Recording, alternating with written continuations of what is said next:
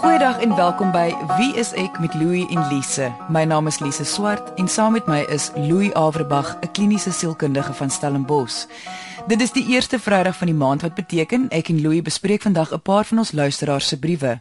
Alle briewe wat hier op Wie is ek bespreek word, bly anoniem. Ons verander selfs van die bewoording om seker te maak die identiteit van die skrywers bly onbekend.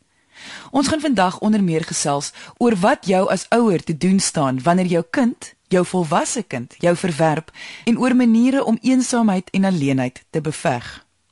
Voor ons begin met die briewe Louis, wil ek net ons luisteraars herinner daaraan dat hulle vir ons mag kontak met enige vrae oor enige onderwerp wat oor sielkunde of menslike gedrag gaan. Met ander woorde, enige vraag oor 'n area in jou lewe wat jy dalk mee sukkel, miskien by die werk of in jou verhouding of selfs met jou familie. Selfs al wil jy net jou storie met ons deel, ons probeer om elke brief wat ons ontvang so vinnig as moontlik te antwoord. Ja, en onthou dat ons alle briewe vertroulik hanteer.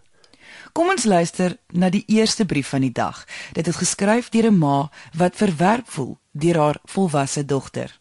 Louis gaan vir ons die brief voorlees. Hallo Louis en Lise. Ek weet nie meer watter kant toe nie.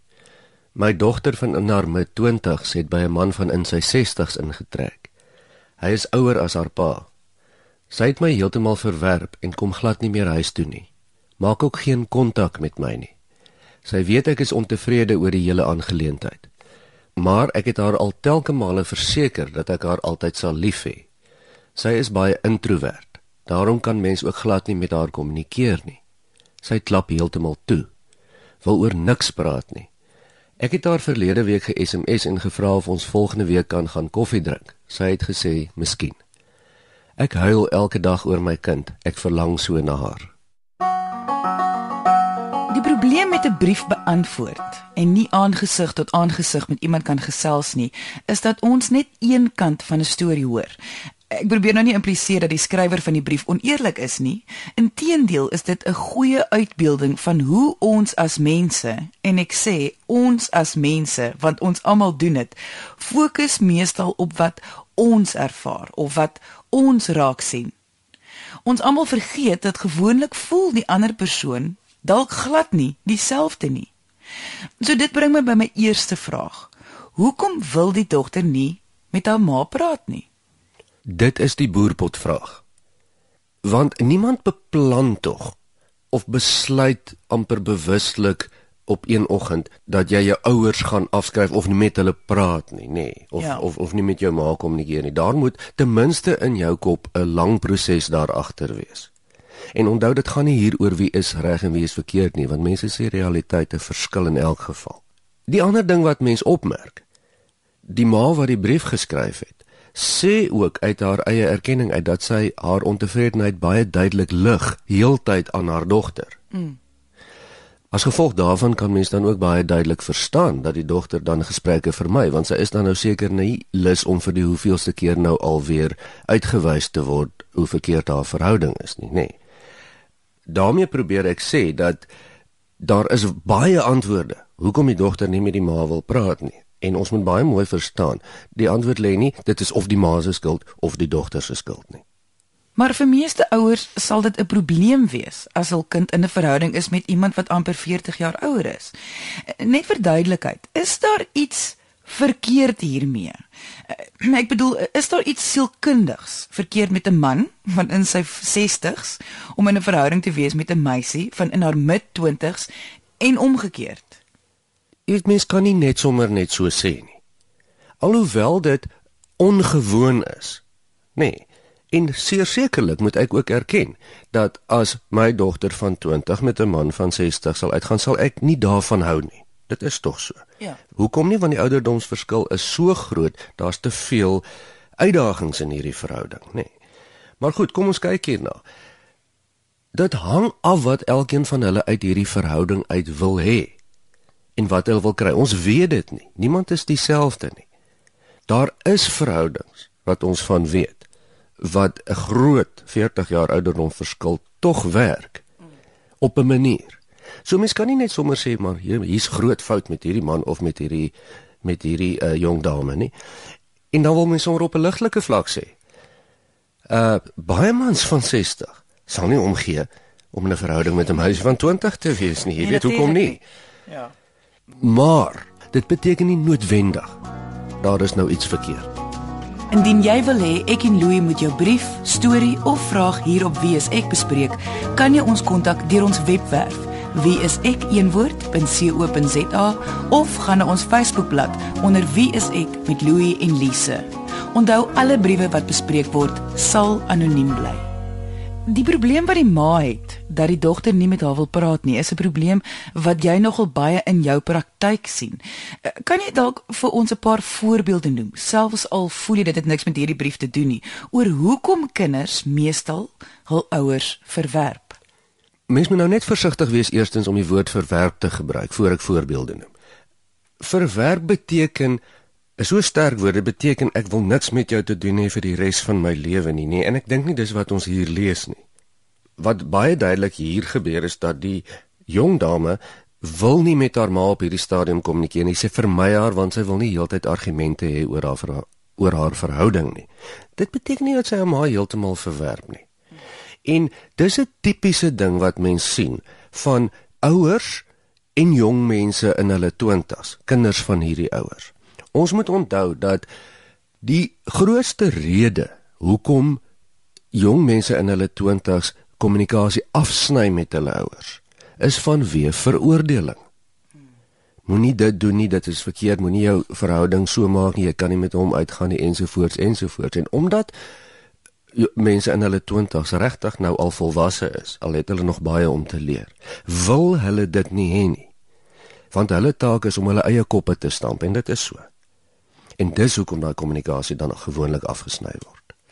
Hierdie ma sê tog dat sy aanhoudend vir haar dogter laat verstaan dat sy altyd lief sal wees vir haar. Ek wil nou amper vir jou vra, is dit genoeg?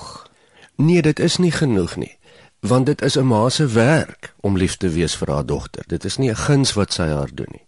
En ek dink die boodskap wat hierdeur kom van die ma se kant af sonder dat sy dit bedoel, is my kind, ek sal altyd lief wees vir jou, maar en hier kom die maar. Ehm uh, ek gaan jou meer aanvaar as jou verhouding so is of as jy dat dit doen of dit nie so doen nie en dit is nie dit is 'n dubbele boodskap. Dit is liefde met 'n voorwaarde. En dit is dan waar die probleem inkom. Jy luister na Wie is ek met Louie en Lise op RSG 100 tot 104 FM. Die ma verwys na haar dogter as 'n introwert en ek al aan daarom kan mens ook glad nie met haar kommunikeer nie. Sy klap heeltemal toe. Net om iets ook hier uit te klaar. Wanneer iemand nie wil praat nie, het dit niks te doen met introversie of ekstroversie nie. Nee, dit het niks daarmee te doen nie.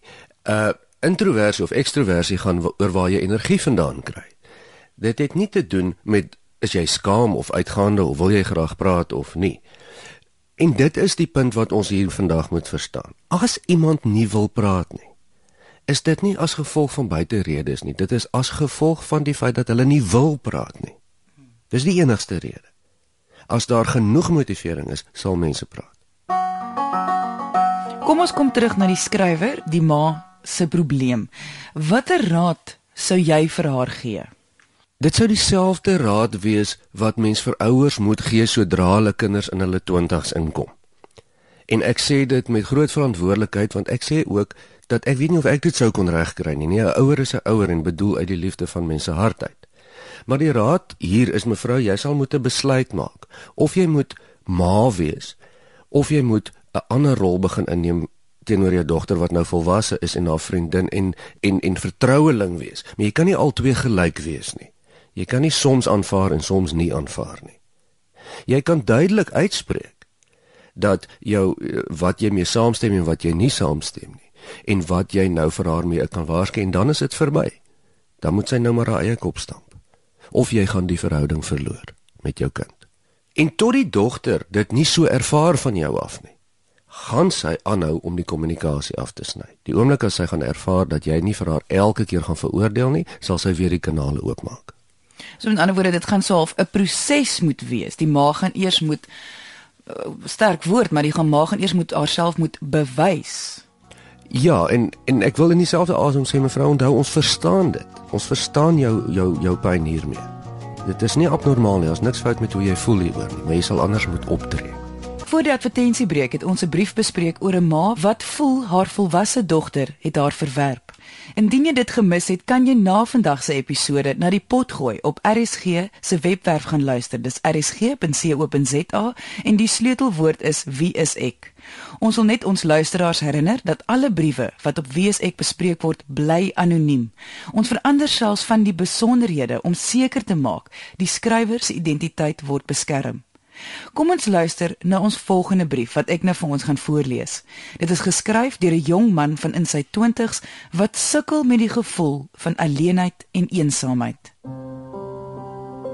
Hallo Louis en Lise. Ek is baie eensaam. Ek is in my mid-20's, gay en bipolêr. Ek bly tans by my ouers op 'n klein dorpie omdat ek nie werk in die stad kry nie. Ek het min vriende hier en was maar altyd ietwat van 'n loner. Ek het baie kennisse, maar min vriende en ook min mense om mee te praat oor my sielsprobleme. Ek het al baie keer probeer selfmoord pleeg en een keer in 'n kliniek opgeëindig. Ek het myself ook gesny, maar het daarmee opgehou 'n jaar gelede. Deesdae wil ek dit al hoe meer weer begin doen. Die hinkering is daar. Ek is baie alleen. Al het ek en my ma 'n baie hegte band, voel ek net ek wil haar nie pla met my klein probleempies nie. Ek is al meer as 5 jaar enkel lopend en soek 'n sielsmaat, maar vind dit moeilik weens die bipolêr. Ek is baie lief vir my eie geselskap, maar tog hunker ek na iets meer as net dit wat ek het. Wat doen 'n mens as mens so eensaam is en voel alles en almal lewe verby jou? Omdat ek nie meer op medies is nie, kan ek nie 'n sielkundige of psigiatër bekostig nie. Ek kry nou medikasie by die staat en sien deur hulle 'n psigiater, maar kry net 15 minute elke 5 maande saam met die psigiater. Ek het probeer om 'n sielkundige deur hulle te sien, maar dis 'n eindelose drama wat nie opgelos word nie. Ek wil graag 'n goeie, stabiele werk kry en daarin nuwe hoogtes kan bereik. Ek wil graag mense kan help. Ek is baie lief vir mense en is 'n gebore verkoopsman. Ek weet nie hoekom ek so alleen is nie. Ek drink elke dag, twee keer 'n dag my medikasie, maar voel steeds alleen. Hier is vir my 'n paar areas wat uitstaan in hierdie brief wat ek voel ons sal moet aanspreek. Dat hy alleen voel is natuurlik die belangrikste, maar ook die rol wat sy diagnose speel om in 'n klein dorpie te woon, om nie werk te kry nie en die feit dat hy nie baie vriende het nie. Voor ons verder gaan, voel jy die feit dat hy homoseksueel is speel enigsins 'n rol? Nee wat. Uh, ek dink nie so nie. Mense is oor die algemeen alleen. En as mens sukkel met 'n gemoedversteuring, soos wat hy dan sê, dan is mens nog meer alleen, nê, nee, want jou gemoed maak dat jy versigtig is om met ander mense om te gaan. Mens kan eintlik seker nou maar sê in kleiner gemeenskappe is dit net statisties moeiliker om mense te kry wat dieselfde lewenstyl as jy het. Met ander woorde, hy sal moeiliker 'n lewensmaat kry in 'n klein dorpie as in 'n stad. Maar alleenheid is 'n universele ding. Hy vertel ons hy is gediagnoseer met bipolêre verstoring. Kan dit 'n rede wees hoekom hy alleen voel?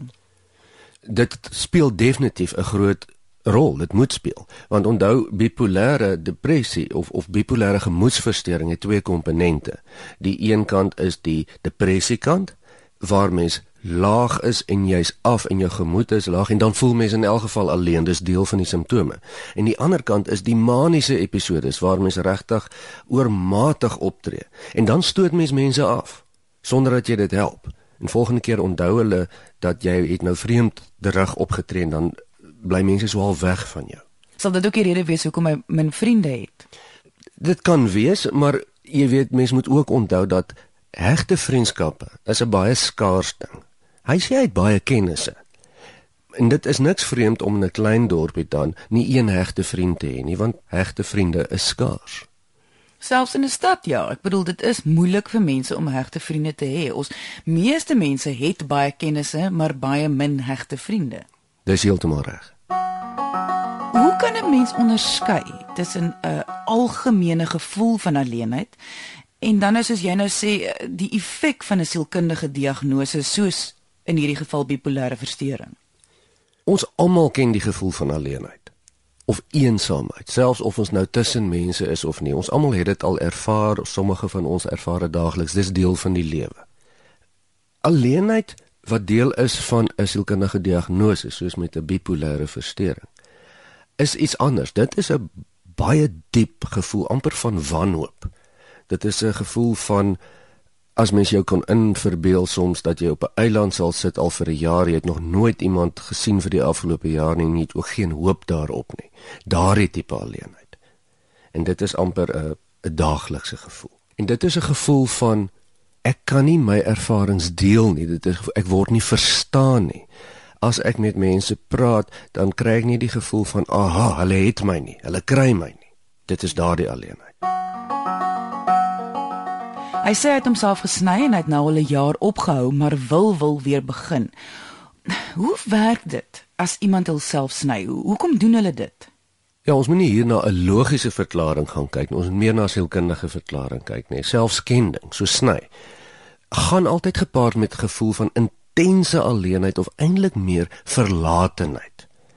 Jy weet as jy nou dink die uiterste vorm van alleenheid is 'n gevoel van ek is verlaat niemand wil my ooit hê nie en ek sal ook nooit gehê wil word nie. Dis 'n baie intense gevoel. En hoe vreemd dit ook al dan klink, uh, mense wat dan hulle self so 'n bietjie sny of skending aandoen, vat daai pyn en maak dit sodat mense daarom kan sien en kan voel. Vat dit weg om 'n sielkundige pyn te wees en sit dit op jou lyf, dan kan jy dit daarom daarna kyk of jy kan daaraan voel. Dit is so half vat jou gedagtes weg van daai diep binneste gedagtes. En ek weet dit maak nie sin nie maar as mens daar is, dan maak dit sin. Om dit terug te vat na die model wat ons altyd gebruik van om mense in 3 dele op te breek, hoe jy dink, hoe jy voel en hoe jy optree. Wat jy nou sê is die denke en die gevoel raak so erg vir die persoon dat die verligting kom in die optree. Daar's hy. Dis amper al wat mens kan doen. En ek, ek weer eens, dit is nie regtig al wat mens kan doen nie, maar dit voel so op daai stadium en jou gedrag dan al wat oorbly. Eh, iemand wat homself sny, is dit iets wat net voorkom by 'n bipolêre verstoring? Nee, glad nie. Jy weet, uh dit kom voor oor baie ander diagnoses waar die kern is hier van mense wat verskriklik verlate en alleen voel. Ook soms wanneer daar erge trauma plaasgevind het. Uh vind sielkundige trauma vind ons dat mense kan dan daardie pyn en daardie verwarring makliker maak deur iets meer oppervlakkigs te doen deur te sny. Indien jy wil hê ek en Louie moet jou brief, storie of vraag hier op Wie is ek bespreek, kan jy ons kontak deur ons webwerf wieisek.co.za of gaan na ons Facebookblad onder Wie is ek met Louie en Lise. Onthou alle briewe wat bespreek word sal anoniem bly. Hy eindig sy brief af met die woorde: Ek drink elke dag, twee keer 'n dag my medikasie, maar voel steeds alleen. Kom ons gesels net oor die rol wat medikasie speel wanneer dit kom by 'n diagnose soos bipolêre verstoring. Medikasie is verskriklik belangrik. Maar onthou dit is net die helfte van die behandeling wil mens amper sê. Met 'n sielkundige diagnose van 'n gemoedstoornis is daar ons altyd twee komponente. Daar's die fisiese deel wat die simptome wys, maar daar's ook die sielkundige deel. So vir die fisiese deel het ons die medikasie nodig, veral vir bipolêre gemoedstoornis. Dit gee die kruk waarmee mens kan regop bly en om te vorentoe te loop. Maar dit los nie die probleem op nie. Die persoon nog steeds loop en dis is dan waar die medikasie dan tekort skiet. Maar dit help en is geweldig belangrik. Sou jy sê hy sit te veel klem op sy diagnose en dit is dalk uh, en en en die rede hoekom hy alleen voel? dat hy dalk na ander redes moet kyk oor hoekom hy alleen voel. Ja, ek kry nie die idee dat die persoon wat die e-pos gestuur het, uh probeer verantwoordelikheid wegskuif hier na diagnose nie, nê. Nee. So ek ek kry nie die gevoel hy sê, man, ek is nou gediagnoseer met hierdie ding en ek kan nou niks daaraan doen nie en daarom is ek alleen en eensaam nie. Uh, ek dink hy stel dit as 'n verduideliking of hoe hy dit nou maar sien en en 'n groot deel daarvan dink ek sien hy baie goed reg. Maar wat jy na verwys is dat mens moet versigtig wees om 'n diagnose nie 'n verskoning te maak nie. En en dit is ja. iets wat baie mense doen. Ek is nou gediagnoseer met X en daarom kan ek nou niks doen nie. En dit is absoluut glad nie hoe dit veronderstel is om te werk nie, want dit is nie hoe die lewe werk nie. Duidelik voel die man vasgevang in die klein dorpie waar hy geforseerd moet bly omdat hy nie in die stad werk kry nie. Ja, dit moet tog bydra tot sy gevoel van alleenheid. Hy sal mos voel hierdie is net 'n tussenin fase en hy moet net 'n werk kry, dan kan hy stad toe trek. Daai gevoel van die gras is altyd groener. Ek dink wat ek vra is hoe 'n groot rol speel 'n mens se omgewingsfaktore wanneer dit kom by die gevoel van alleenheid. Kyk, dit kan 'n baie groot rol speel. En ek dink in hierdie geval speel dit 'n baie groot rol. Dit is vir my duidelik dat hy baie pogings moet insit om dan uit die klein dorpie uit te kom uh, en na 'n ander omgewing te gaan. Nie dat daar foute is met die klein dorpie se omgewing nie, maar ek dink statisties gaan sy wêreld net van baie makliker toegaanbaar is. Jy sien, waarna jy verwys hier is dat mens kan op enige plek alleen wees. As jy na 'n ander plek toe gaan dan dan dan gaan jou probleme saam met jou. Dit is wat jy eh, na verwys en jy is heeltemal reg, nê. Nee. Hmm. Uh, en daarvoor moet mens definitief pas op. Want onthou wat is alleenheid? Alleenheid in sy kern is dat jy voel jou wêreld word nie gedeel nie. Ons gebruik die term deelwêreld. En mens kan duisend vriende om jou hê en selfs mense wat baie van jou hou, maar as jy nie verstaan word nie, as jy voel my wêreldjie behoort net aan myself, daar's niemand wat dit kan deel nie, dan voel jy alleen en eensaam. Want dan kan jy net sowel op 'n ander planeet woon dit gaan meer oor hoe jy in interaksie met die mense rondom jou is en hoe hulle met jou in interaksie is. Maar onthou uh, omgewing speel 'n rol. Uh, uh, jy weet as jy 'n 'n kunstenaar tipe persoon is en jy gaan woon nou in 'n myndorp byvoorbeeld, dan gaan jy natuurlik swaarder kry. Nie oor daar fout is met die myndorp se kultuur of die kunstenaar kultuur nie. Dis net jou wêreld gaan moeiliker gedeel word. En dis die punt. So hoe sou jy sê is die beste manier om alleen te beveg? Want dan net soos jy sê, daar is baie mense in die wêreld wat baie mense om hulle het, maar tog voel hulle nog steeds alleen omdat hulle wêreld nie gedeel word nie. So hoe beveg jy dit? Deur te veg vir koneksie, om kontak te maak.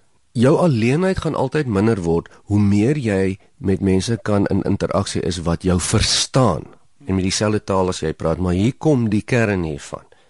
Dit beteken ook jy moet meer van jouself gee. Jy moet daarom jou deelwêreld bekend maak aan ander mense sodat hulle daarin kan deel. Jy kan nie verwag dat ander mense moet jou kom uitsleep uit jou alleen. Dis nie hulle werk nie. Jy kan nie verwag dat ander mense jou dat hulle dit uit jou uit moet trek wat jou deelwêreld is nie. Jy moet dit self deel, dis jou verantwoordelikheid, nê.